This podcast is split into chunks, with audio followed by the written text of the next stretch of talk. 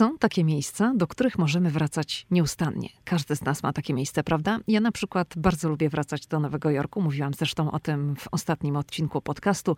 Z ochotą wracam na Florydę. Pojechałabym z przyjemnością raz jeszcze do wszystkich parków narodowych, które odwiedziłam do tej pory w USA. Do Kalifornii też lubię wracać. Latam zresztą do Kalifornii co roku.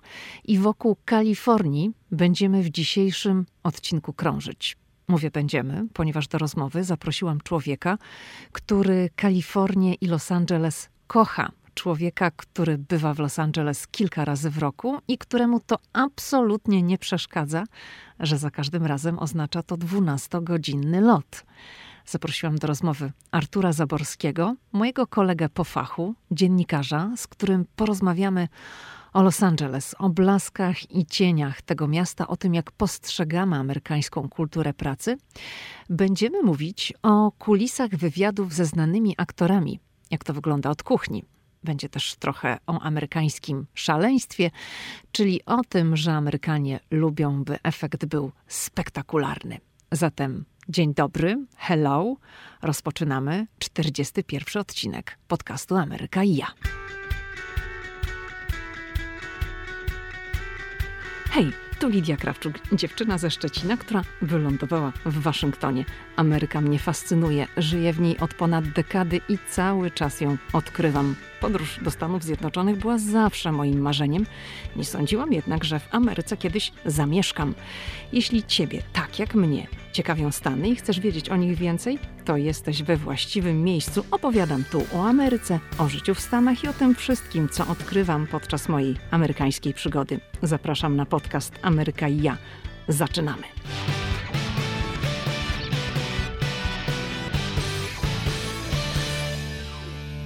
Arturze, bardzo Ci dziękuję, że zgodziłeś się wystąpić w moim podcaście.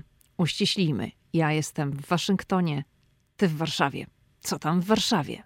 No ja na swoje nieszczęście jestem w Warszawie, bo e, teraz miałem spędzać cudowny miesiąc w Los Angeles. Miała właśnie ta podróż dobiegać końca, no ale jak wiadomo, sytuacja pandemii skutecznie zablokowała nasze plany i nasze aspiracje, ale no nie krzywdzę sobie tego szczególnie, bo muszę przyznać, że ten miesiąc w Warszawie e, wyjątkowo dobrze leci, pogoda piękna, e, owoce i warzywa już na targach i bazarkach się pojawiają, więc można poszaleć w kuchni i nadrobić wszystko to, na co brakowało czasu, kiedy trzeba było przeskakiwać z jednego lotniska na kolejne. Wspomniałeś o Los Angeles i będziemy dzisiaj o Los Angeles rozmawiać, ale na początek chciałabym, żebyś powiedział słuchaczom kilka słów o sobie, kim jesteś, co robisz, czym się zajmujesz. No ja przede wszystkim jestem wielkim miłośnikiem Los Angeles, mojego absolutnie ukochanego miasta. Mam to szczęście, że moja praca, mój zawód umożliwia mi stałe pobyty tam. Jestem w Los Angeles co najmniej kilka razy w roku. Jest to oczywiście wywołane kwestią tego, że pracuję jako dziennikarz kulturalny, relacjonuję różnego typu wydarzenia, które w mieście Aniołów mają miejsce. Relacjonuję Oscary, relacjonuję Grammy, relacjonuję ogłoszenie ramówek, czyli tak zwane TCA, jedno z najważniejszych wydarzeń branży telewizyjnej, odbywające się dwa razy w roku zawsze w styczniu i zawsze w lipcu. Nie wiadomo, czy teraz w lipcu będzie miało miejsce, czy koronawirus e, to uniemożliwi. No, no i to są właśnie różnie. te szczególne momenty, może być różnie, to są właśnie te szczególne momenty w moim życiu, kiedy mam okazję i przyjemność spotykać się z gwiazdami kina pierwszej wody. No teraz, jak wiadomo, na platformach i w telewizji grają naprawdę pierwszej klasy aktorzy, więc zazwyczaj taki wyjazd to jest spotkanie z nawet dwudziestoma osobistościami ze świata kina i telewizji naprawdę z wysokiej półki. No choćby w styczniu to były spotkania z takimi postaciami jak Hugh Grant, Nicole Kidman, Mark Ruffalo, więc Juliette Lewis, więc naprawdę e, to są tacy aktorzy, o których właściwie zawsze śniłem, żeby kiedykolwiek chociaż zobaczyć ich gdzieś na żywo i zobaczyć z bliska, no ale dzięki temu, że mogę pisać do takich magazynów jak Zwierciadło, Pani, Newsweek, Gazeta Wyborcza, e, Wprost czy parę innych mediów z wirtualną postą na czele, E, no mam te, ten zaszczyt, tę przyjemność spełniać się właśnie w rozmowach, e, czasami jeden na jeden, czasami tak zwanych stolikach, e, właśnie z tymi światowymi gwiazdami.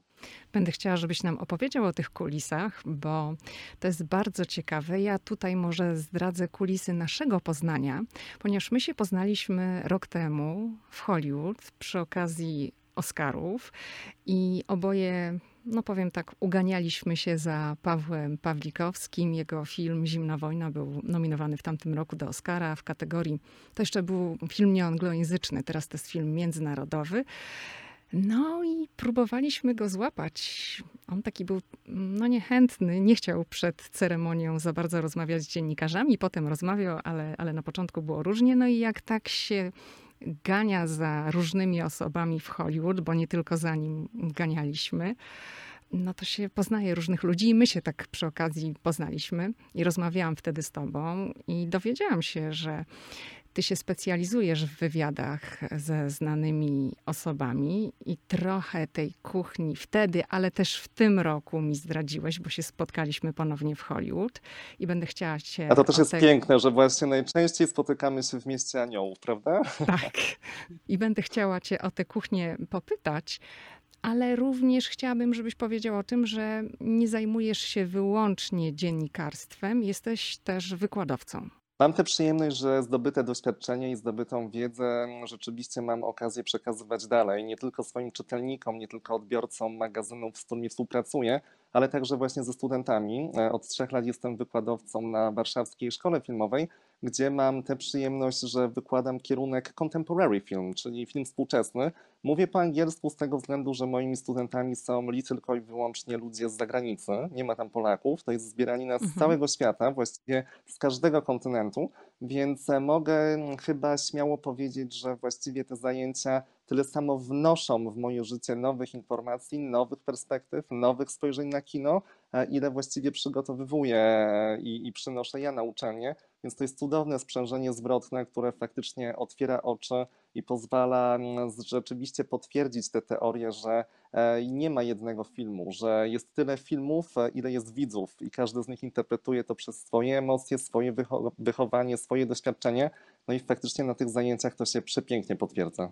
A czy teraz w czasie pandemii również prowadzisz zajęcia online, zdalnie? I to jak intensywnie, to rzeczywiście przenieśliśmy się do internetu, spotykamy się w internecie, gdzie mamy możliwość e, kontynuować naszą naukę. No ja muszę się przyznać, że jestem dość sceptyczny do tej formy. Moim studentom ona się podoba. E, rzeczywiście wydaje mi się, że aktywnie uczestniczą w tych zajęciach, ale jednak jako osoba, która tak bardzo stawia na spotkania, jednak ja jestem taką osobą, która nie wierzy w powodzenie spotkań zapośredniczonych. Oczywiście my jesteśmy teraz w wyjątkowej sytuacji, też się znamy na żywo, więc to trochę inaczej wygląda, ale na przykład w mojej pracy zupełnie nie wyobrażam sobie tego, że moglibyśmy zrezygnować z wyjazdów do Los Angeles czy do innych miejsc świata właśnie po to, żeby przeprowadzać wywiady z gwiazdami. Dla wielu osób to się wydaje absurdalne, że my wsiadamy do samolotu, spędzamy 12,5 godziny w samolocie, bo tyle się do Los Angeles z Warszawy leci, tylko i wyłącznie po to, żeby na pół godziny spotkać się z jakąś gwiazdą.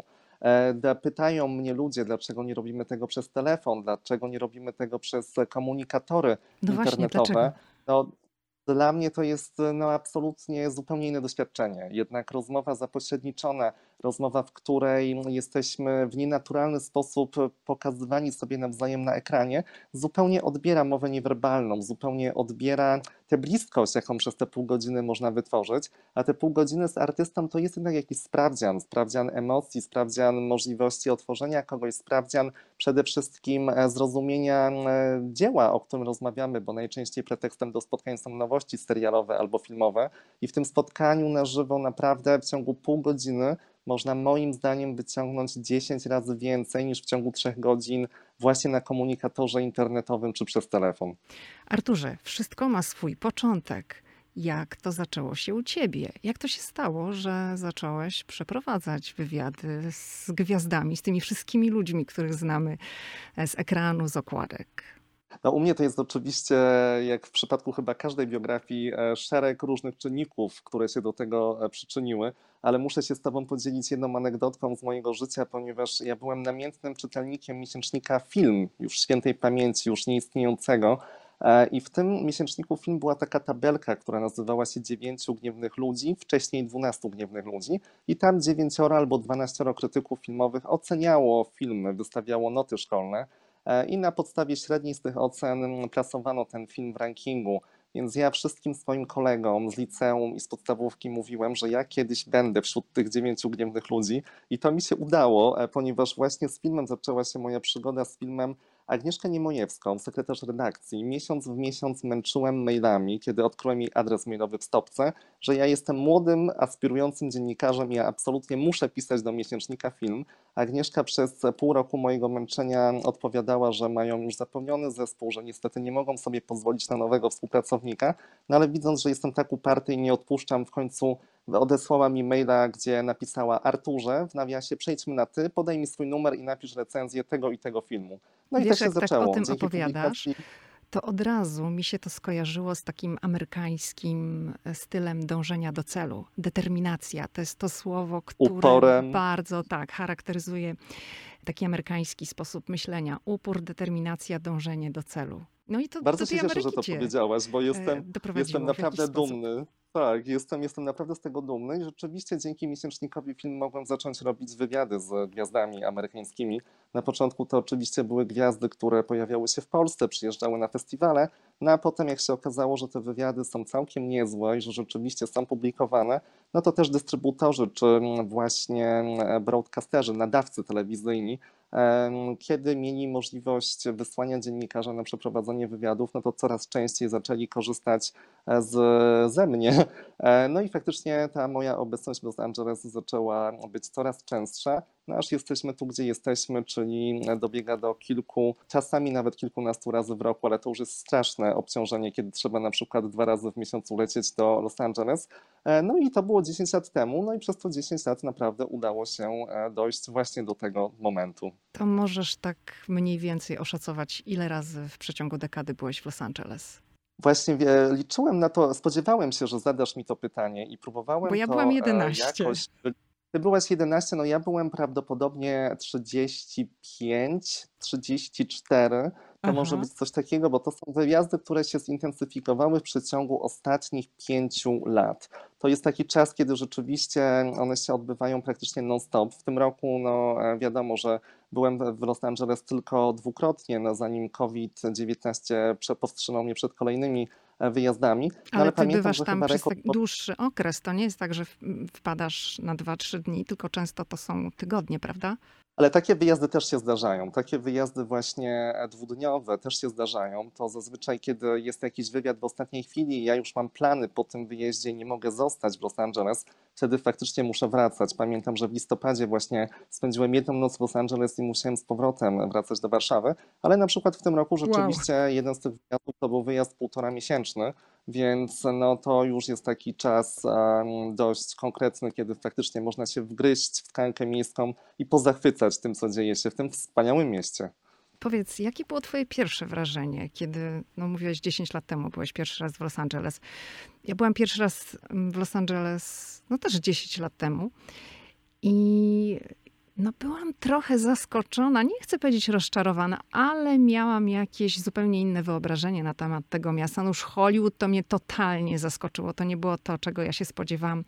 Jakie było twoje? Ja byłem przerażony. Ja muszę ci powiedzieć, że w momencie, kiedy dojechałem właśnie do centralnego Los Angeles i kiedy pierwszy raz zderzyłem się z prawdziwym obrazem tego miasta, nie mogłem uwierzyć, że to jest Los Angeles. Dlaczego? Tabuny, tabuny bezdomnych, Mhm. namioty na ulicach, ludzie, którzy mm, leżą na chodniku. To był widok, którego się kompletnie nie spodziewałem. Dla mnie widok mm, Hollywoodu i widok samego miasta aniołów, no jednak opierał się na filmach, na tych cudownych wyobrażeniach z Fabryka fabryki snów. Absolutnie, gdzie mamy przepiękne Beverly Hills, cudowne Mhm. wille, gdzie wszyscy żyją na niesamowicie wysokim poziomie, gdzie mamy cudownie zbudowanych surferów i przepiękne aktorki paradujące przez Santa Monica, a tymczasem okazało się, że to jest tylko część prawdy. Owszem, te obrazy też tam są, nimi można się zachwycać, je można podziwiać, ale Los Angeles to jest miasto gigantycznych kontrastów. To jest gigantycznych miasto korków. i gigantycznych korków, to prawda, gigantycznego zanieczyszczenia powietrza przez to spowodowanego.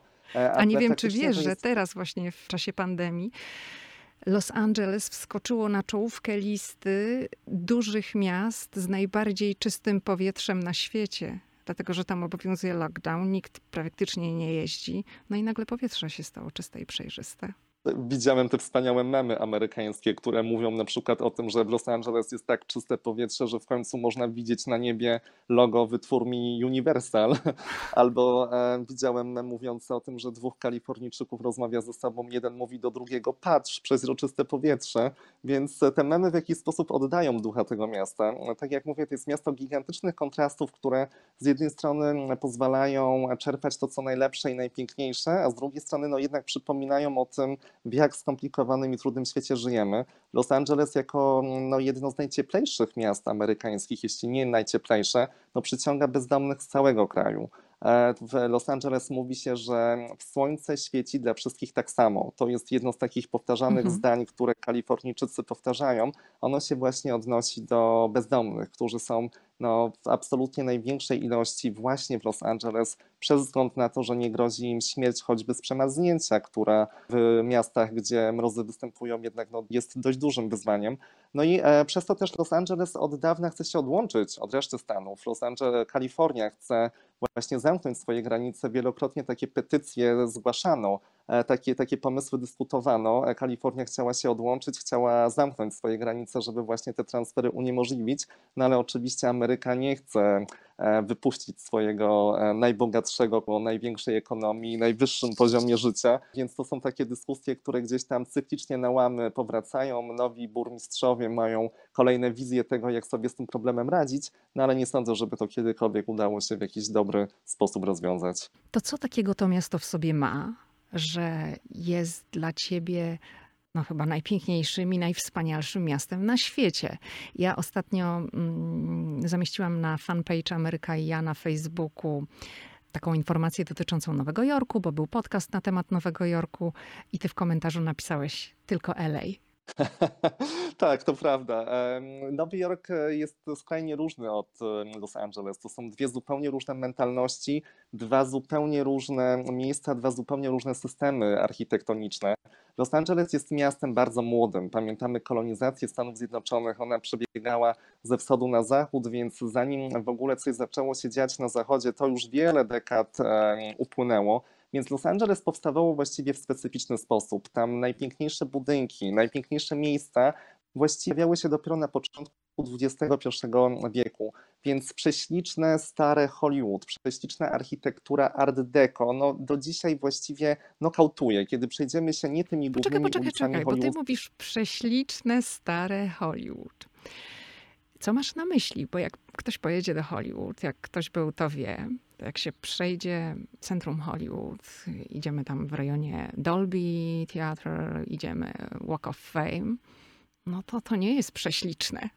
No to jest, e, tak jak powiedziałem, Los Angeles jest miastem absolutnych kontrastów. Te turystyczne miejsca, czyli właśnie Santa Monica Boulevard, Hollywood Boulevard, Sunset Boulevard, to są takie bulwary, które w miejscach największego natężenia turystycznego są nieznośne. To jest po prostu wylewający się zewsząd kicz. Próba przejścia pod wspomnianym przez ciebie Dolby Theatre, kiedyś Kodak Theatre, bardzo ładnym, starym, klasycznym e, miejscem, gdzie przyznawano Oscary, potem wyremontowanym, no i wyglądającym już niestety odrobinkę gorzej, no to tam właściwie ma się ochotę uciekać. Plastik lejący się zewsząd, kiczowate, pamiątki sprzedawane na każdym kroku, wszyscy próbujący nam wcisnąć w ręce figurki Oscarów, wszyscy krzyczący o tym, że musimy sobie zrobić zdjęcie właśnie na Walk of Fame z naszą własną gwiazdą. Jest to wszystko nieznośne i nie do wytrzymania. Trzeba stamtąd czym prędzej uciekać i czym prędzej skierować się w boczne uliczki. W boczne uliczki, gdzie możemy znaleźć właśnie te fasady budynków, które nie zostały poddane modernizacji.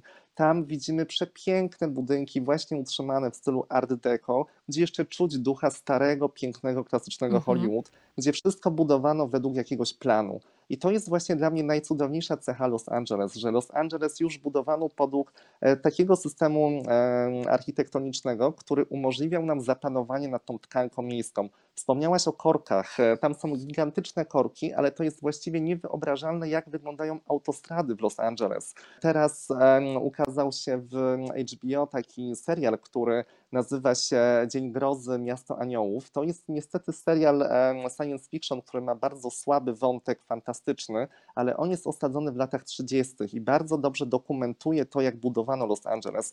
Tam możemy zobaczyć, jak budują jeden z najbardziej słynnych bulwarów bulwarów Los Angeles, czyli Wilshire Boulevard.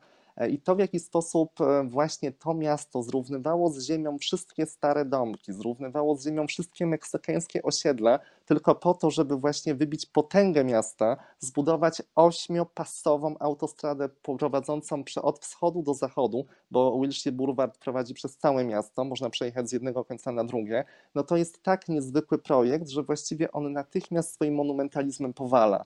I Los Angeles takie jest. Nowy Jork powala swoją przestrzennością, gigantycznymi budynkami, e, z symbolem Empire State Building oczywiście, który gdzieś tam góruje i kończy się pomiędzy chmurami, aż trudno te szczyty e, dostrzec. Powiedziałabym, że Nowy Jork idzie wzdłuż, a Los Angeles wszerz. A Los Angeles wszerz. Los Angeles jest absolutnie płaskie. Los Angeles ciągnie się nieskończenie, próba dostania się z jednego końca miasta na drugi koniec. To są godziny. To jest jakiś kompletny koszmar. Mhm. To są godziny, a jeszcze w godzinach szczytu to no to już można po prostu spokojnie sobie e, pospać. To jest niewiarygodne, ale tam ludzie potrafią dojeżdżać dwie godziny do pracy i to jest dla nich normalne. Więc e, ta, to takie roz, przestrzenne rozmieszczenie tego miasta też pozwala na ogromne zróżnicowanie. Każda dzielnica jest właściwie inna. W każdej dzielnicy co innego się robi. Każda dzielnica ma inną ofertę. Mieszanka ludzi, którzy zasiedlają z kolei to miasto, powoduje, że właściwie mamy do dyspozycji każdą kulturę i każdą kuchnię świata. Jeśli mamy ochotę na taco, to idziemy do meksykańskiej restauracji. Ale w Nowym Jeśli Jorku mamy ochotę podobnie. na w Nowym Jorku jest podobnie, ale mam wrażenie, że jednak Nowy Jork przez to, że jest taki upchany, że tam wszystko jest tak trochę na kupie, tak jak powiedziałaś, wzwyż, a nie wszerz, to tam jednak trudno dostrzec to zróżnicowanie właśnie architektoniczne, mhm. właśnie budynkowe to jednak jest tak, że tam mamy poszczególne knajpki e, określonej kuchni, a w Los Angeles mamy poszczególne dzielnice. E, moja ukochana dzielnica w Los Angeles to jest oczywiście Teherangeles, czyli dzielnica perska. W dzielnicy perskiej mamy nie tylko kapitalne restauracje irańskie, gdzie możemy zjeść prawdziwy, przepyszny fasenjan, e, czyli e, przepyszną wołowinę z e, granatem podawaną właśnie na słodko, ale też mamy okazję właśnie pójść zarówno na perskie lody, jak i pójść do meczetu, jak i pójść do tradycyjnych kawiarni jest to wszystko właśnie na tyle, tam jest na tyle dużo miejsca, że udaje się to wszystko połączyć. To nie jest tak, że mamy, tak jak w Warszawie, ciekawostkę w postaci restauracji perskiej. Tam jest to autentycznie całe osiedle i cała, no właściwie mała dzielnica, nazywana nawet od ludzi, którzy ją zamieszkują. I ten miks jest czymś absolutnie przyciągającym i przepięknym i każdego dnia właściwie w jednym mieście mamy możliwość przeskakiwania pomiędzy państwami, kulturami i narodami. I to jest absolutnie najlepsza strona Kalifornii. Czy jest takie miejsce w Los Angeles, które odwiedzasz zawsze? No bo nie zawsze można zobaczyć wszystko, tak? Ale czy jest takie, do którego wracasz za każdym razem, jak jesteś w LA? Jest taka knajpka, którą szczególnie sobie ukochałem. E, odwiedzam ją za każdym razem, kiedy jestem w Los Angeles. Kładę sobie to za punkt honoru. E, zawsze ląduję tam po udanym wywiadzie. Jeżeli polecę do Los Angeles, przeprowadzę rozmowę z gwiazdą i wiem, że ta rozmowa była dobra, kiedy jestem z niej zadowolony, wtedy świętuję, idąc do Fiesty Cantiny. Fiesta Cantina to jest cudowna, malownicza knajpka e, przy Santa Monica Boulevard która jest w West Hollywood i tam podają coś, co nazywa się bottomless margarita, czyli spektakularne, gigantyczne, ogromne margarity w wielgachnych kieliszkach, które trudno mhm. właściwie utrzymać. Proszę się nie przerażać, że po wypiciu jednej takiej margarity oczywiście to jest tak jak w Polsce po spożyciu jakiejś butelki, bo oczywiście jak to w Stanach Zjednoczonych wszystko jest odrobinę e, oszukane, mianowicie jest tam potężna ilość lodu, to wszystko jest e, rozcieńczane, ale smakuje absolutnie kapitalnie, a magia tego miejsca zasadza się na tym, że właśnie tam możemy doświadczyć całej takiej spektakularnej radości życia z Kalifornii. Wszyscy kelnerzy, którzy obsługują to miejsce, zawsze są uśmiechnięci, zawsze są w wspaniałym nastroju. Jeśli jest ciepło, a zazwyczaj jest ciepło, to nawet obsługują ludzi dookoła bez koszulki. W środku jest fenomenalna muzyka. E, mamy do czynienia z absolutnie kompletną mieszanką ras, ludzi, płci i wszystkiego. Kolorowi, wspaniali, uśmiechnięci ludzie. I to jest też coś, co ja właśnie w Kalifornii bardzo sobie cenię. E, to, co jest e, niezwykłe w Los Angeles, to jest e, na pewno kwestia tego, że niezależnie czy wybieramy pierwszy lepszy bar, czy idziemy do ekskluzywnej restauracji, to spotykamy w każdym z tych miejsc dwa typy ludzi. Jedni, którzy oczywiście chcą się zrelaksować, a drudzy, którzy przychodzą tam pracować. I tak samo jest też w Pieście Kantinie. Tam możemy pójść równie dobrze po to, żeby się zrelaksować po ciężkim dniu, jak i po to, żeby przyjrzeć się na przykład jak scenarzyści pracują nad swoimi projektami A jak to w Kalifornii, naturalnie kelnerzy, którzy tam pracują, chcą być aktorami. To oczywiście aktorzy, którym jeszcze się nie udało, więc na pytanie, e, kim jesteś, co robisz, oni nie odpowiadają, że są kelnerami, tylko odpowiadają, że są aktorami, którzy pracują jako kelnerzy i czekają na swoją szansę. No i to jest ten właśnie przepiękny mit Kalifornii, że tam każdy wierzy w to, co może osiągnąć, że tam nie ma czegoś takiego, że jakby jesteśmy w maraźmie i uważamy, że nie dla nas są te wyższe progi, fabryki snów, Hollywoodu i tych cudownych miejsc, tylko tam, tak jak powiedziałaś na początku, każdy hardo ciśnie, żeby w końcu przekroczyć Rubikon i żeby w końcu móc się realizować w tym upragnionym zawodzie. Powiedziałeś, że wracasz do tego swojego ulubionego miejsca i to jest forma nagrody za dobry wywiad. I chciałabym, żebyśmy na chwilę zatrzymali się przy tych wywiadach, żebyś no, trochę zdradził nam, um, jak wyglądają kulisy takich rozmów z gwiazdami. Mówiłeś o rozmowach stolikowych, to może wyjaśnij słuchaczom, co to jest rozmowa stolikowa. Rozmowa stolikowa to jest wywiad, który odbywa się nie w spotkaniu jeden na jeden, nie jest, nie jest się jedynym dziennikarzem w obecności gwiazdy, tylko ma się jakieś osoby towarzyszące. Przy takim jednym stoliku są na przykład dziennikarze e, z różnych krajów. Nigdy nie jest tak, że na przykład jestem ja i inna osoba z Polski. Zawsze to są osoby właśnie z innych krajów. To są takie wywiady, które na przykład odbywają się, kiedy my nie przygotowywujemy takiej rozmowy, w której publikujemy ją jako pytanie, odpowiedź, pytanie, odpowiedź, pytanie, odpowiedź, tylko na przykład wtedy, kiedy piszemy portret, albo wtedy, kiedy piszemy artykuł, albo wtedy, kiedy piszemy jakąś analizę. Wtedy po prostu wykorzystujemy odpowiedzi gwiazdy, no i umieszczamy je w tekście. Takie e, rozmowy oczywiście zawsze odbywają się w niesamowicie ekskluzywnych warunkach. Są to najdroższe hotele w Los Angeles. To są takie miejsca, gdzie oczywiście nie sądzę, bym kiedykolwiek pozwolił sobie na noc e, w środku.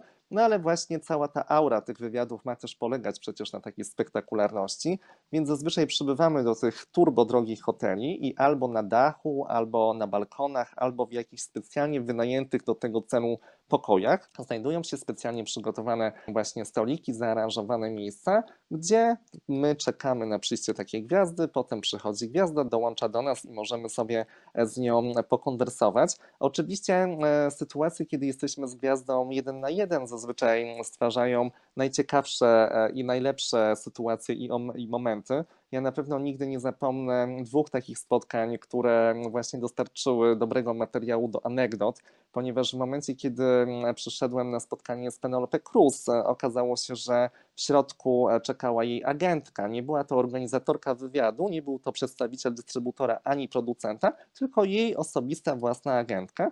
Więc wszedłem do środka i zaczęliśmy z tą agentką rozmawiać, oczekując na Penelope Cruz. W pewnym momencie drzwi do pokoju otwierają się, wpada Penelope Cruz przerażona, że jest spóźniona na wywiad, pokonuje ten próg, całuje swoją agentkę, po czym całuje mnie ponieważ była przekonana, że nie jestem dziennikarzem, tylko jestem e, jednym z przyjaciół właśnie swojej przyjaciółki, a jak Penelope Cruz sama twierdzi, no oczywiście przyjaciele jej przyjaciół są jej przyjaciółmi. E, agentka zareagowała natychmiast mówiąc jej, że Penelope, sorry, but this is the journalist i Penelope Cruz słysząc, że jestem dziennikarzem zaczęła mi przepraszać za to, że mnie e, ucałowała na powitanie. Przecież nie ma za co, tak?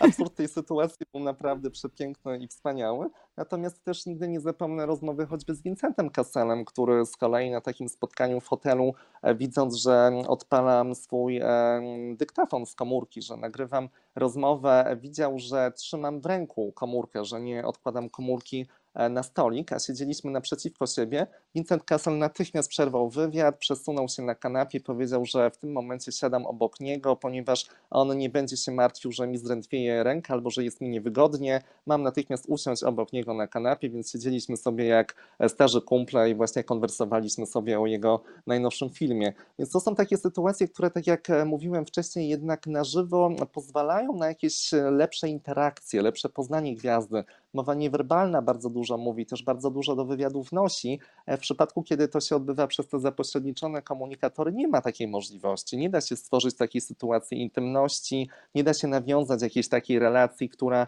rzeczywiście pozwoli wzbudzić zaufanie w Twoim rozmówcy. No jest to coś, co naprawdę tylko w sytuacji spotkania takiej bezpośredniej można jakoś wycisnąć i można ubogacić. Czy miewasz jeszcze tremę? No bo przeprowadziłeś tych wywiadów bardzo dużo, więc to już jest po prostu twoja praca.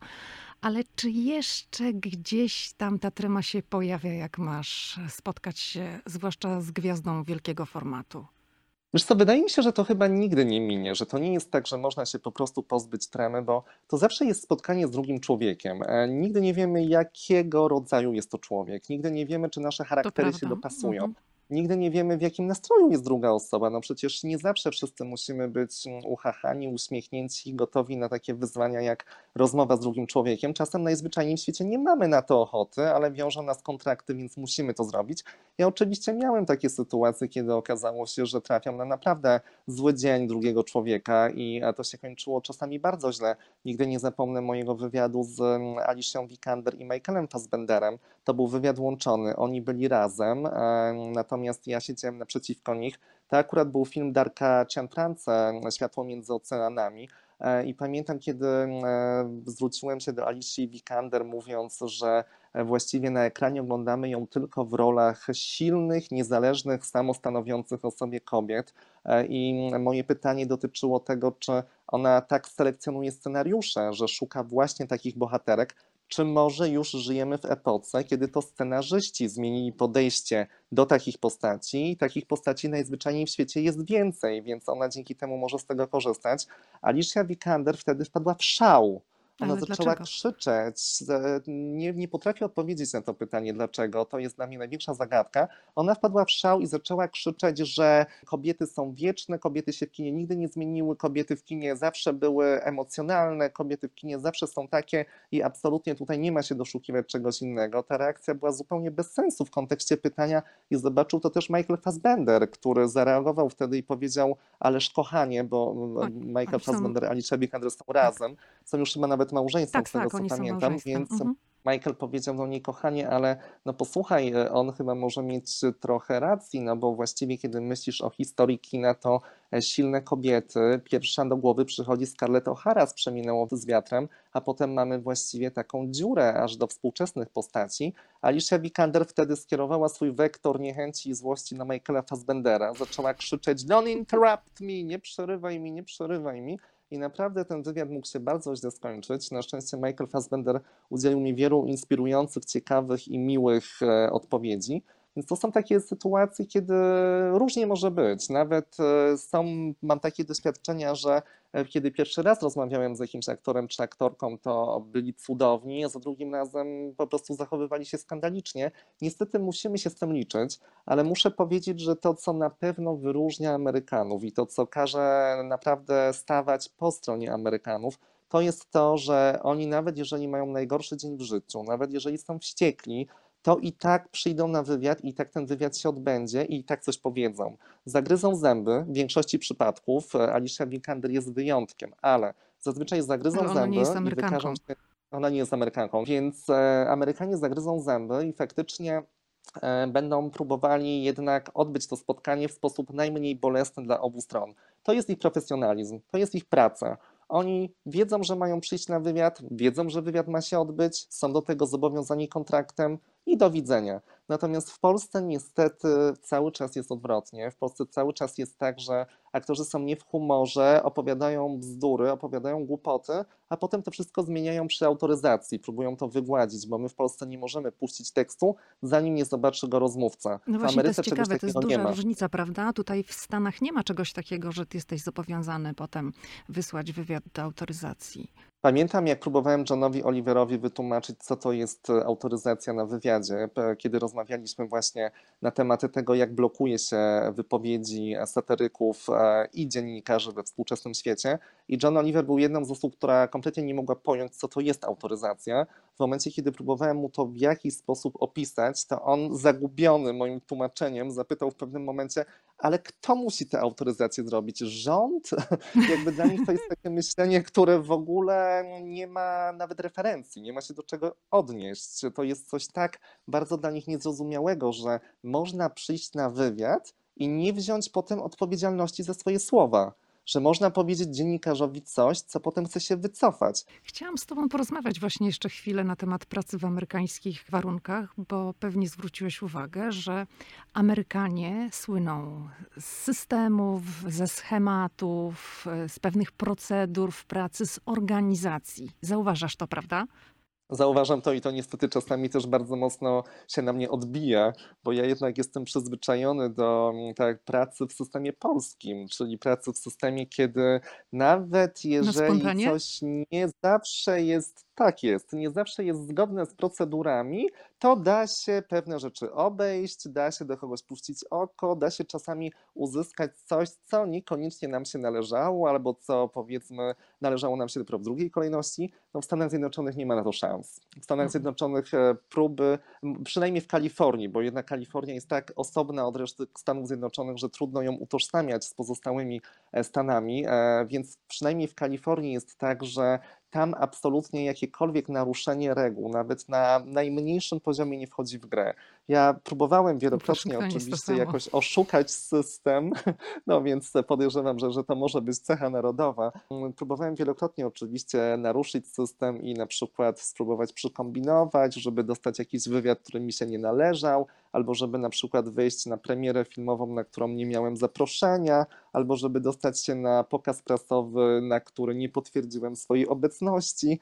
No i niestety te próby kończyły się zazwyczaj z naprawdę no, źle, na zasadzie takiej, że nie tylko e, oczywiście nie uzyskiwałem tego, co potrzebowałem, ale też okazywało się, że to zostawiało jakiś niesmak. Amerykanie są bardzo na to wyczuleni. Tam trzeba postępować według protokołu, jak oni tak. to mówią albo są reguły i trzeba ich przestrzegać, albo nie. I też tam jest to piękne, że w momencie, kiedy na przykład e, próbuje się jakoś kogoś kiwać, to zazwyczaj nie słyszy się kawalkady pretensji, tylko słyszy się to ulubione zdanie Amerykanów: Sir, please let me do my job. E, proszę pana, proszę pozwolić -hmm. mi mhm. wykonywać moją pracę i tam jest, to jest świętość tam. Czyjaś praca, czyjeś obowiązki, do których ktoś jest predestynowany, to jest świętość i tam naprawdę jest ogromny do tego szacunek i ja też na tym zyskuję, bo tam w momencie, kiedy ja jestem jako dziennikarz z moją legitymacją pracową i mówię do kogoś, kto uniemożliwia mi wykonanie mojej pracy, żeby mi na to pozwolił, naprawdę przynosi to efekty. Tak, szanuje się cudzą pracę, to, to jest prawda. A czy dostrzegasz różnicę w takiej organizacji pracy, jak jesteś w Londynie? Bo w Londynie też przeprowadzasz wywiady, prawda? Londyn to jest też taki ośrodek, gdzie dużo się tego typu rzeczy robi z gwiazdami. E, myślę, że pod tym kątem te ośrodki są tożsame, że jednak e, Wielka Brytania, te kraje anglosaskie jednak pod tym kątem rzeczywiście gdzieś e, ze sobą korespondują. Natomiast no, w Londynie jest o wiele luźniej. W Ameryce jest jednak tak, w Kalifornii jest jednak tak, że tam stawia się na ten profesjonalizm. Myślę, że Hollywood nikt by sobie nie pozwolił na przykład na to, żeby zorganizować premierę filmu, na której e, bankiet odbywa się w tej samej części dla gwiazd, dla VIP-ów, co dla całej reszty. Dla dziennikarzy, dla ludzi z, ze sponsorów, e, z firmy dystrybucyjnej i tak dalej. A w Londynie to jest dość częste, dość regularne. Ja pamiętam właśnie, że kiedy po e, pobycie moim w 2018 roku, po półtora miesięcznym pobycie pojechałem, e, wróciłem z Los Angeles i potem dosłownie jakieś dwa czy trzy dni później jechałem na jakąś premierę i wywiady do Londynu, to właśnie pamiętam, że przeżyłem taki niesamowity szok, że tam e, Stephen Moyer i cała reszta e, właśnie gwiazd, które były częścią tej produkcji, stoją sobie z kieliszkami wina tuż obok nas, że to nie jest żaden problem, że to nie powoduje żadnego dyskomfortu, że to wszystko jest takie normalne. W Kalifornii mam wrażenie, że jednak tam jest element tej amerykańskiej sztuczności, że tam się próbuje trochę udawać, kreować się na troszeczkę właśnie taką idealną osobę, więc nikt nie będzie na przykład ryzykował z gwiazd tego, że ktoś zobaczy, że ktoś pije alkohol, albo że na przykład ktoś je mięso, bo przecież w Kalifornii teraz wszyscy są absolutnie e, skupieni na tym, żeby prowadzić fit vega life, E, kiedy na przykład ja przyjeżdżam na wywiady i e, zazwyczaj dziennikarzom serwuje się jakiś posiłek. My dostajemy jakiś tam szwedzki bufet, z którego możemy wybierać potrawy. Na początku, kiedy latałem do Stanów, czyli tam powiedzmy ten, ten intensywny tryb, jaki się zaczął z 5 lat temu, to wtedy jeszcze byliśmy pytani o rodzaj diety czy jesteśmy wege, czy jemy koszerne jedzenie, czy jemy wyboru. mięso i tak dalej, i tak dalej. Teraz już nie ma żadnego wyboru, teraz wszystko jest wege. I koniec, kropka. Nie ma w Teraz ogóle z tym żadnego pola do ostatnia ceremonia Oscarów, nie wiem czy zwróciłeś na to uwagę, jak były te informacje, jak będzie wyglądało menu na e, balu szefa Akademii Filmowej, to właśnie potrawy były mm, wegańskie. Ja oczywiście bardzo tej rewolucji kibicuję i bardzo wspieram. Bardzo, bardzo popieram to, żebyśmy się po- pozbyli przemysłowej e, produkcji mięsa. Cieszę się, że w Kalifornii właśnie to się dzieje, ale nie wiem, czy też na przykład zauważyłaś to, że mm, wracając do różnic pomiędzy e, Londynem a Kalifornią, a miastem aniołów, że na przykład e, też nie wyobrażam sobie tego, żeby któraś z gwiazd hollywoodzkich pokazała się na takiej imprezie czy bankiecie z papierosem. A w Londynie to już jest kompletnie normalne. W Londynie po prostu gwiazdy wychodzą na balkon, na patio, gdzie- gdziekolwiek, idą zapalić. Tam się nie robi z tego jakiegoś wielkiego wydarzenia, ale w Kalifornii już nikt nie pali. W Kalifornii Wiesz, palić ja w- to już w ogóle Nie myślałam nigdy o tym w kontekście gwiazd, dlatego że ja w ogóle tu widzę bardzo mało ludzi z papierosem, właściwie praktycznie wcale. Palenie tutaj nie jest modne. Oczywiście Amerykanie palą, ale jeżeli palą, to gdzieś tam w zaciszu swojego domu. Spotkanie człowieka na ulicy, nie wiem, w Waszyngtonie czy w Kalifornii, który pali, to jest jak spotkanie Ze dinozaura. świeczką, absolutnie. Absolutnie. I to jest niesamowite w tym mieście. Właściwie chyba jedyne miejsce, gdzie ja spotykam palaczy nikotyny, e, to jest lotnisko, bo tam rzeczywiście jest ostatni moment, żeby zapalić, a na mieście jest to bardzo trudne. No, o wiele częściej można oczywiście spotkać palaczy marihuany, którą zalegalizowano Tak, się w. Kalifornii. Więc zapach się unosi naprawdę przed knajpami w różnych miejscach. Więc to też pokazuje, jak e, bardzo różne są te lifestyle, te tryby życia, jak na innych rzeczach są e, właśnie skupieni ludzie. Coś, co absolutnie kocham w Kalifornii, jeszcze wracając do kwestii knajpy, o którą mnie zapytałaś, o mojej ulubionej fiesty kantiny. Mhm. Pamiętam, kiedy właśnie po ceremonii Oscarowej w ubiegłym roku, kiedy się poznaliśmy, razem z kilkoma innymi polskimi dziennikarzami, e, już chyba wtedy wracaliście, a my jeszcze tam byliśmy chwilę i poszliśmy właśnie do fiesty kantiny. Ja nigdy nie byłam w tej restauracji. Nadrobimy na pewno jeszcze nie jedna wizyta wspólna w Kalifornii przed nami, ale to anegdota, którą chciałem opowiedzieć, dotyczyła faktu, że ta spektakularna impreza właściwie wypełniła przestrzeń. Było pełno ludzi, ludzi, którzy świetnie się bawili. Naprawdę no, całość zabawy skupiona w knajpie, wszyscy w świetnych humorach, wszystko idzie absolutnie dobrze i wspaniale. Po czym nagle przychodzi godzina druga, kelner wychodzi z baru, e, przechadza się przez knajpę, idzie na pierwsze piętro, na balkon i wszędzie indziej i mówi, że e, kończymy imprezę, bardzo prosimy, żeby w przeciągu 15 minut opuścić knajpę. I ja przyzwyczajony do polskiego traktowania klientów, czyli kiedy słyszysz, że masz wyjść za 15 minut, to wychodzisz za najwcześniej półtorej godziny, a tam wszyscy dopili ostatnie łyki tego, co mieli, zabrali rzeczy, które mieli i w ciągu 15 minut fiesta kantina była pusta. Ja nie jestem Jest w to ogóle zaskoczona. To jest też właśnie takie charakterystyczne dla Ameryki, że jest czas, to nawet jak dzieciom organizuje się imprezy urodzinowe, to jest ściśle określony czas. Od do. Czyli na przykład to są dwie godziny. I jeżeli już jest ta godzina, że ma być koniec, to wszyscy się zwijają i jest koniec. Nie ma siedzenia. Po prostu do widzenia. I to jest niesamowite, prawda, że to się może odbywać w taki sposób, że ktoś mówi ci, że masz wyjść, a ty tego nie traktujesz jako rozkazu, jako złośliwości, jako czegoś niemiłego i nieprzyjemnego, To jest tylko po przestrzeganie prostu zasad. działamy według protokołu. To jest przestrzeganie zasad, szacunek do drugiego człowieka. Ale wiesz, to też jest niesamowite, bo ja cały czas mówię jednak o miejscu, gdzie odbywała się impreza z alkoholem, tak? Tam podawano alkohol, no jest to knajpa, gdzie normalnie alkohol e, jest sprzedawany i mimo to, że ten alkohol tam był, to ci ludzie i tak przestrzegali tych zasad. Nie mieliśmy do czynienia z sytuacją, kiedy ludzie nadużywający jakichś trunków nagle robili burdy, czy w jakiś sposób próbowali kontestować to, o czym poinformował kelner, tylko wszyscy karnie wyszli z knajpy z uśmiechami na twarzy. No, fenomenalne doświadczenie, które bardzo chciałbym importować na ziemię polskie.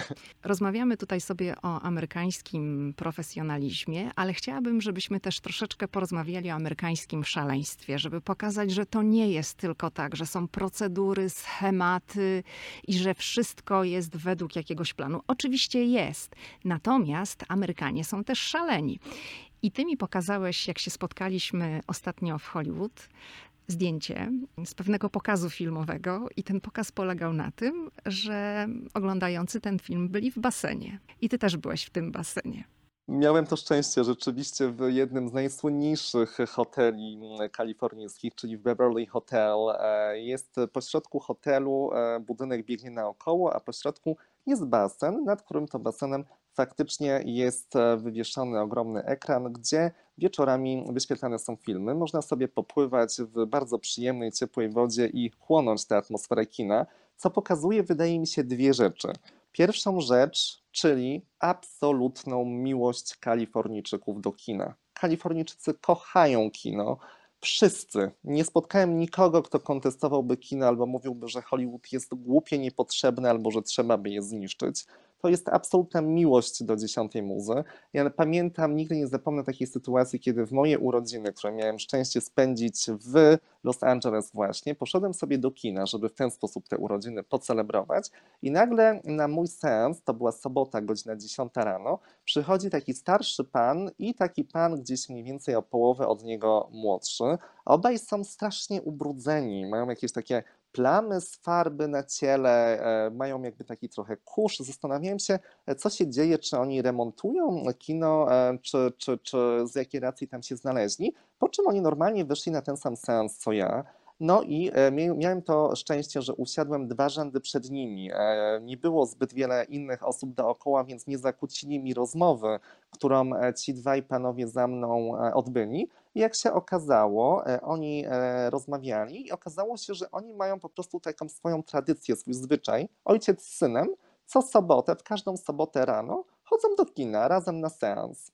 Po prostu. To jest ich mały rytuał. A wyglądali tak, jak wyglądali, ponieważ mają remont w domu. I pomimo to, że mają ten remont i razem ten remont wykonują, nie przerwali tej tradycji, tylko poszli do kina, żeby zobaczyć razem ze mną film. Więc no, było to naprawdę niesamowite doświadczenie, które pokazuje właśnie, jak Kalifornijczycy temu kinu są oddani. Kino się podkreśla na każdym kroku. Wszędzie są jakieś pamiątki dotyczące właśnie filmów z przeszłości. Wszędzie są też jakoś celebrowane wieczory z kinem. E, jednym z takich moich ukochanych miejsc e, w Los Angeles, gdzie odbywają się zupełnie nietypowe pokazy kinowe, jest stary cmentarz. Cmentarz, e, pośród którego, na, na środku którego jest wywieszony ekran.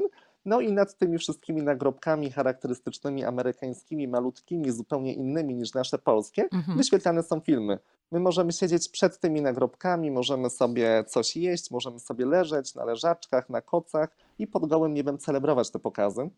Czy tam też wyświetlają? No ja byłem na komedii i powiem Ci, że ludzie zanosili się w głos, ale to też pokazuje e, ten, ten inny wątek, prawda? Jak inne jest podejście Amerykanów do śmierci, o, do tak. właśnie takich miejsc celebrowania niż w Polsce. To zupełnie inaczej wygląda, ale to już temat na zupełnie inną rozmowę. A wracając jeszcze właśnie do pokazu w basenie, to to też pokazuje takie opętanie Amerykanów tym monumentalizmem.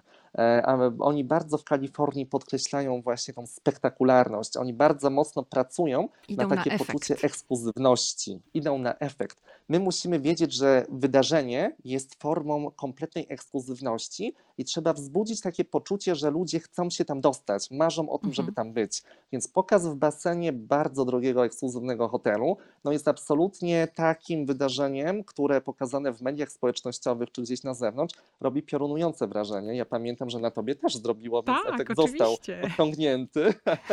więc to też jest sprytny zabieg marketingowy, prawda, że to nie jest jakieś tam właśnie wyświetlanie filmów, tylko zupełnie niecodzienne warunki, nieprzystające i od razu masz ochotę w tym uczestniczyć. Więc za tę pomysłowość, umiejętność sprzedawania swoich pomysłów, no też naprawdę kocham tych Kalifornijczyków. Dzisiaj wyraziłem moją miłość do tego stanu e, tyle razy, że właściwie e, będę tutaj brzmiał jak jakaś osoba, która tylko usypuje e, pomniki temu miastu i pisze laurki, ale też dlatego właśnie też chciałbym jednak powiedzieć, no, że to też jest miejsce, które bardzo mocno potrafi rozczarować. Wydaje mhm. mi się, że to też jest taki wątek, który warto chyba podkreślić. Bardzo źle Kalifornię znoszą, zwłaszcza osoby z kompleksami to jest miejsce, gdzie niestety, jeżeli się przyjeżdża i jeżeli ma się złe zdanie na swój temat, swojego pochodzenia, bardzo łatwo się z Kalifornią zmierzyć i naprawdę popaść w jakiś bardzo negatywny stan. Znam wielu z moich znajomych, którzy pojechali do Kalifornii i oglądając tych wszystkich idealnych ludzi, na przykład na plażach, gdzie napakowani mężczyźni, bardzo dbający o swoje ciało, bo w Kalifornii się bardzo dba o sport i o kulturę fizyczną. Tam naprawdę faceci, no to. Się mówi nawet, że to nie jest kraj dla starych ludzi. To nie jest kraj dla starych ludzi, kult młodości absolutnie tam obowiązuje, więc ci idealnie zbudowani faceci, fenomenalnie wyrzeźbieni surferzy i wspaniałe dziewczyny wysportowane, pięknie wyglądające, cudownie ubrane, no potrafią naprawdę wpędzić w kompleksy, więc bardzo łatwo im zazdrościć i bardzo łatwo źle myśleć o sobie, no ale to też jest niestety miejsce, które pokazuje, że jeżeli nie uda nam się jakoś odnaleźć w systemie i nie uda nam się zarobić e, odpowiedniej ilości pieniędzy, żeby sobie na tego typu rozrywki pozwolić, wtedy naprawdę bardzo łatwo wylądować w kompletnie nieprzyjemnym miejscu. Los Angeles ma takie dzielnice, które są właśnie dla biedniejszych ludzi, dla biedniejszych mieszkańców i to są naprawdę miejsca, które są bardzo groźne. Ja jestem tak zakochany w Los Angeles, że każdy e, właściwie, czy każdą część tego miasta jakoś chcę poznawać za każdym razem, kiedy tam jestem. Staram się dotrzeć do miejsca, w którym jeszcze nie byłem i muszę powiedzieć, że jedno z najgroźniejszych e, doświadczeń w moim życiu miałem, kiedy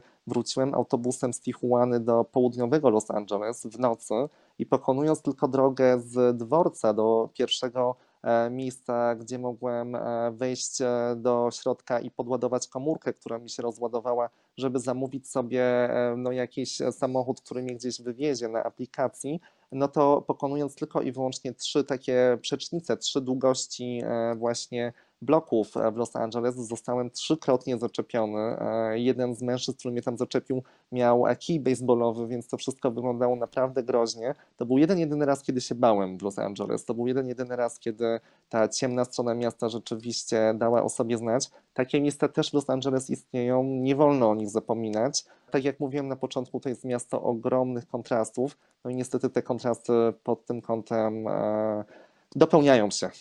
Chciałabym, żebyśmy się jeszcze na chwilę zatrzymali przy amerykańskim jedzeniu, bo ostatnio jak się widzieliśmy w Hollywood, to wylądowaliśmy w restauracji przy bulwarze zachodzącego słońca. No była fajna atmosfera, tam jest zresztą bardzo dużo różnych restauracji, był wieczór, dużo ludzi i ty zamówiłeś hamburgera.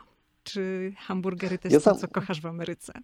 E, teraz już nie, ponieważ to był ostatni mój e, taki bardzo spektakularny mięsny posiłek. E, mijam już dwa miesiące bez mięsa, więc mam o, nadzieję, naprawdę? że uda mi się.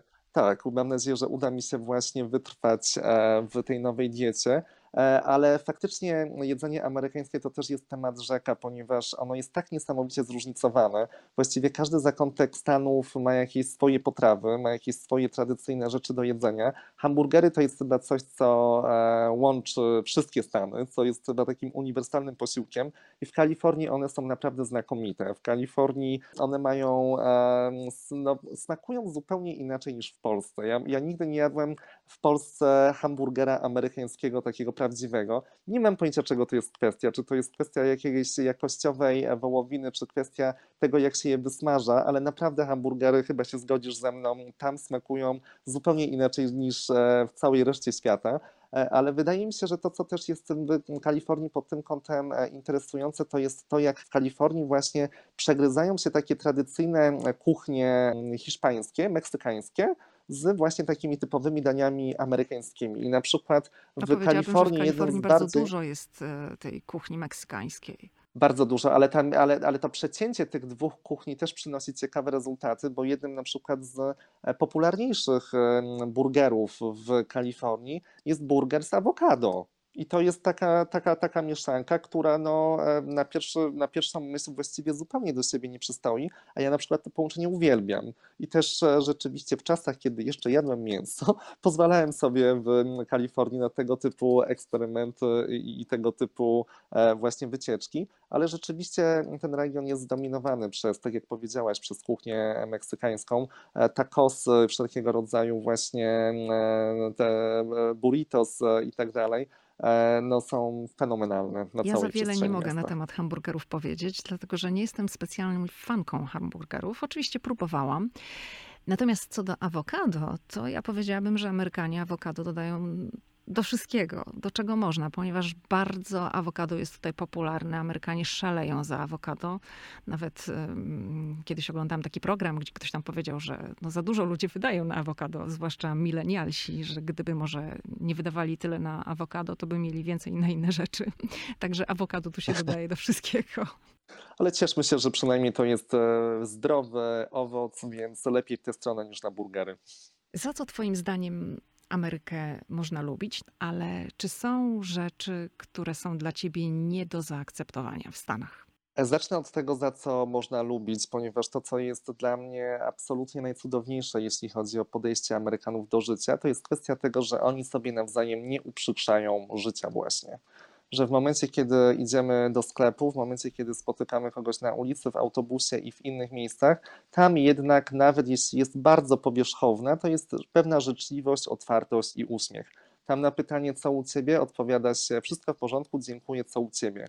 Tam nikt nie obarcza siebie nawzajem złymi emocjami, nikt nikomu nie próbuje zepsuć dnia, ani nie próbuje zbić uśmiechu z niczyjej twarzy to jest coś, co mnie zawsze w Stanach absolutnie ciągnie w górę. Ja na przykład miałem takie momenty, kiedy w Stanach, w Kalifornii, w Los Angeles mieszkałem e, u takiego znajomego producenta. On ma taki malutki, bardzo malutki pokoik, taką klitkę, w której nic nie ma poza tapczanem, więc całość mojego dobytku w Los Angeles wyglądała w taki sposób, że miałem ten tapczan i swoją walizkę i właściwie wydają się to takie być warunki, które mogą wpędzić raczej w negatywne nastroje, a ja tam, kiedy rano się budziłem, e, witało mnie słońce świecące bardzo mocno w moje okno i wychodząc z tego domu, spotykając sąsiadów, od wszystkich e, słyszałem życzenia miłego dnia i to samo powtarzała pani w kiosku i w najbliższym sklepie, no to, to działało na mnie absolutnie perfekcyjnie. To już ustawiało dzień i powodowało, że chciało się iść do przodu i chciało się walczyć o to, żeby było jak najlepiej. Natomiast to, co w Stanach jest dla mnie nadal nie do zaakceptowania, no to jest jednak kwestia podejścia właśnie do ludzi z tych niższych warstw społecznych. Jednak takie akceptowanie w pełni tego, że po prostu świat taki jest, że część z nas ma pieniądze, a część nie ma i to, że ktoś sobie obok naszego domu rozbija namiot albo leży na jakichś reklamówkach, kartonach czy innych rzeczach, to jest kompletnie normalne, no, dla mnie wciąż jest trudne do zaakceptowania. Oczywiście trudno tutaj winić e, jakby tak ludzi w ogóle o taki stan rzeczy, ale jednak w momencie, kiedy rozmawiam z Kalifornijczykami, gdzieś pojawia się właśnie ten temat bezdomności, to on jest dla mnie nieznośnie znormalizowany. Dla nich to jest po prostu norma.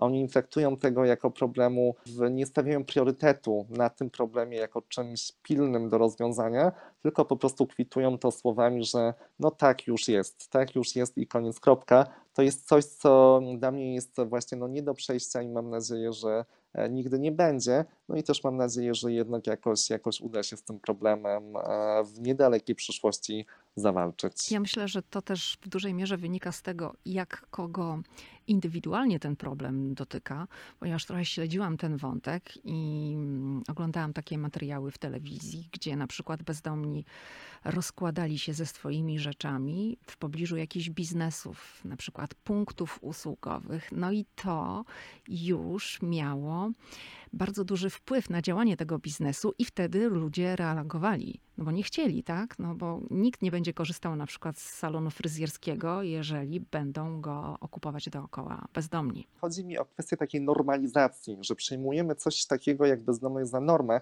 Ja oczywiście wiem, że to jest strasznie skomplikowany problem że to nie jest tak, że to są tylko ludzie, którzy w jakiś sposób e, no, nie poradzili sobie w życiu, bo na przykład spotkałem bezdomnych hipsterów, spotkałem w Kalifornii E, młodych ludzi, którzy wiedząc o tym, że mogą rozłożyć namiot na ulicy i na tej ulicy spać i nikt ich nie może usunąć, bo to jest tak, że absolutnie ci ludzie są nietykalni. Nie może przyjechać policja, ani też my nie możemy ich przepędzić. Jeżeli oni leżą na tym chodniku, to oni tam po prostu mają prawo leżeć. Ten chodnik jest częścią wspólną, więc nie możemy jakby fizycznie, siłą się ich pozbyć. Więc na przykład też rozmawiałem e, w Los Angeles, rozmawiałem z Kalifornii z grupą młodych ludzi, którzy uznali, że to jest ich e, styl bycia że oni nie zgadzają się na kapitalizm, nie zgadzają się na e, chore systemy zarobkowe i na spędzanie jednej trzeciej życia w pracy tylko po to, żeby drugą trzecią przespać, a w trzeciej trzeciej móc jakoś z niego korzystać. No i po prostu tak sobie postanowili postanowili żyć. No i okej, okay, jakby są, są na tej ziemi nietykalni, więc ten, ten problem jest naturalnie bardzo skomplikowany i nie da się go sprowadzić do jakiegoś jednego punktu czy jednego powodu. Natomiast tak jak mówię, e, też e, jakby doprecyzuję tylko swoją wypowiedź, że właśnie to, co mnie tam niepokoi, to jest kwestia tej normalizacji, że jednak można podchodzić do tego w takiej kwestii, że tak ma być, koniec, kropka, do widzenia, e, skupiamy się na nowym, nowym, nowym, nowym problemie to, to gdzieś mi tam zahacza też o ten taki amerykański właśnie indywidualizm, o to takie amerykańskie skupienie na sobie. Nie mieszamy się w życie innych, skupiamy się na sobie i też ograniczamy pole widzenia e, do tego, co jest w tym naszym najbliższym otoczeniu. Tak jak ty powiedziałaś, że jak mnie to nie dotyczy, to po co mam się tym przejmować? O ile na co dzień, w codziennym życiu wydaje mi się to świetną taktyką i kapitalną filozofią, o tyle właśnie w takich sprawach społecznych, no gdzieś jednak mnie niepokoi. Czy Twoim zdaniem, jak już skończy się pandemia, jak wyjdziemy z tej fazy z koronawirusem, Kalifornia i Los Angeles zmienią się? A to jest bardzo ciekawe pytanie. Nie wydaje mi się, żeby w mm, Kalifornii e, zaszły jakieś zmiany. Właśnie z tego powodu, że Kalifornia jest bardzo wyjątkowym stanem. To jest naprawdę jeden, jedyny stan e, w całej Ameryce, który nigdy nie musiał się mierzyć ze skutkami kryzysu. To jest bardzo młody, młody stan, bardzo, Los Angeles jest bardzo młodym miastem i jeśli cofniemy się w historii, wielki kryzys absolutnie Kalifornii nie dotknął. Kino cały czas trwało, było samowystarczalne, Kalifornijczycy go nie odczuli tak jak reszta Stanów Zjednoczonych. Druga wojna światowa. W Kalifornii produkują e, okręty, Kalifornia cały czas napędza machinę kina, cały czas coś produkuje. W ogóle II wojna światowa nie wpływa na ekonomię stanu ani na poziom życia ludzi tam. Przeciwnie, jeszcze więcej ludzi młodych przyjeżdża, żeby zasilać Hollywood, żeby zasilać e, właśnie ten narybek aktorski potrzebny wtedy, no bo przecież kino jest świetnym miejscem eskapizmu, odreagowania wojny, więc się świetnie sprzedaje. Więc Kalifornia na II wojnie światowej się bogaci, a nie traci na niej. Podejrzewam, że teraz będzie dokładnie tak samo. Podejrzewam, że kino i tak szybciutko wyjdzie z impasu, ekonomia się świetnie napędzi, Kalifornia będzie cały czas na świetnym poziomie i będzie naprawdę dalej najbogatszym stanem amerykańskim, więc nie sądzę, żeby to spowodowało, że jakieś e, przemiany tam e, zajdą. Myślę, że w innych stanach, jak i w innych krajach rzeczywiście będziemy się z tymi skutkami mierzyć także w takiej kategorii społecznej i właśnie lifestyle'owej, no bo gdzieś to zaburzenie ekonomii niewątpliwie nastąpi, a w Kalifornii podejrzewam, że nam to w ogóle nie grozi i Kalifornia dalej właśnie będzie tym takim wyjątkowym miejscem idącym cały czas w jednym kierunku swoją własną wydeptaną i ugruntowaną ścieżką. Czyli jak sądzisz, uda ci się latem w lipcu polecieć do Kalifornii, czy nie? Bardzo w to wierzę. Bardzo w to wierzę i jestem człowiekiem zaklinającym rzeczywistość, który raczej widzi e, jasne barwy, e, a nie ciemne w przyszłości, więc wierzę, że to cudownie rozgrzewające, zawsze przyprawiające mnie o zbrązowienie skóry słońce będzie w tym roku dostępne również dla mnie, no a mam nadzieję, że my się tam będziemy e, spotykać najdalej w lutym 2021 roku. Ja też mam taką nadzieję. Arturze, bardzo Ci dziękuję za to, że zgodziłeś się pojawić w moim podcaście, za rozmowę. Dowiedzieliśmy się tutaj mnóstwo ciekawych rzeczy. No i cóż, do zobaczenia i bardzo Ci dziękuję. To ja Ci pięknie dziękuję za zaproszenie i za świetną robotę, którą robisz, bo popularyzacja Ameryki w Twoim podcaście to jest naprawdę wspaniała rzecz. Sam się z niego wielu rzeczy dowiaduję, więc oby do szybkiego. Dziękuję. Wszystkiego dobrego. Dzięki serdeczne. No i tak sobie na koniec posłodziliśmy z Arturem Zaborskim. Muszę przyznać, że dla mnie ta rozmowa była inspirująca. Na pewno przy kolejnej wizycie w Los Angeles odwiedzę Fiestę Cantinę. No taka rekomendacja. I teraz e, tak mi się przypomina, jak Artur mówił o tych wielkich margaritach, to dokładnie takie pamiętam też z Nowego Orlanu. Tam też przy Bourbon Street są sprzedawane takie gigantyczne margarity z dużą ilością lodu. Och, Nowy Orlean, od razu mi się przypomniał, co to były za czasy. Okej, okay, mm, to był najdłuższy podcast w historii. Ponad godzina. Uh, nigdy wcześniej nie nagrałam takiego długiego podcastu. Wszystkiego dobrego. Następny odcinek, jak zwykle, we wtorek. Do usłyszenia.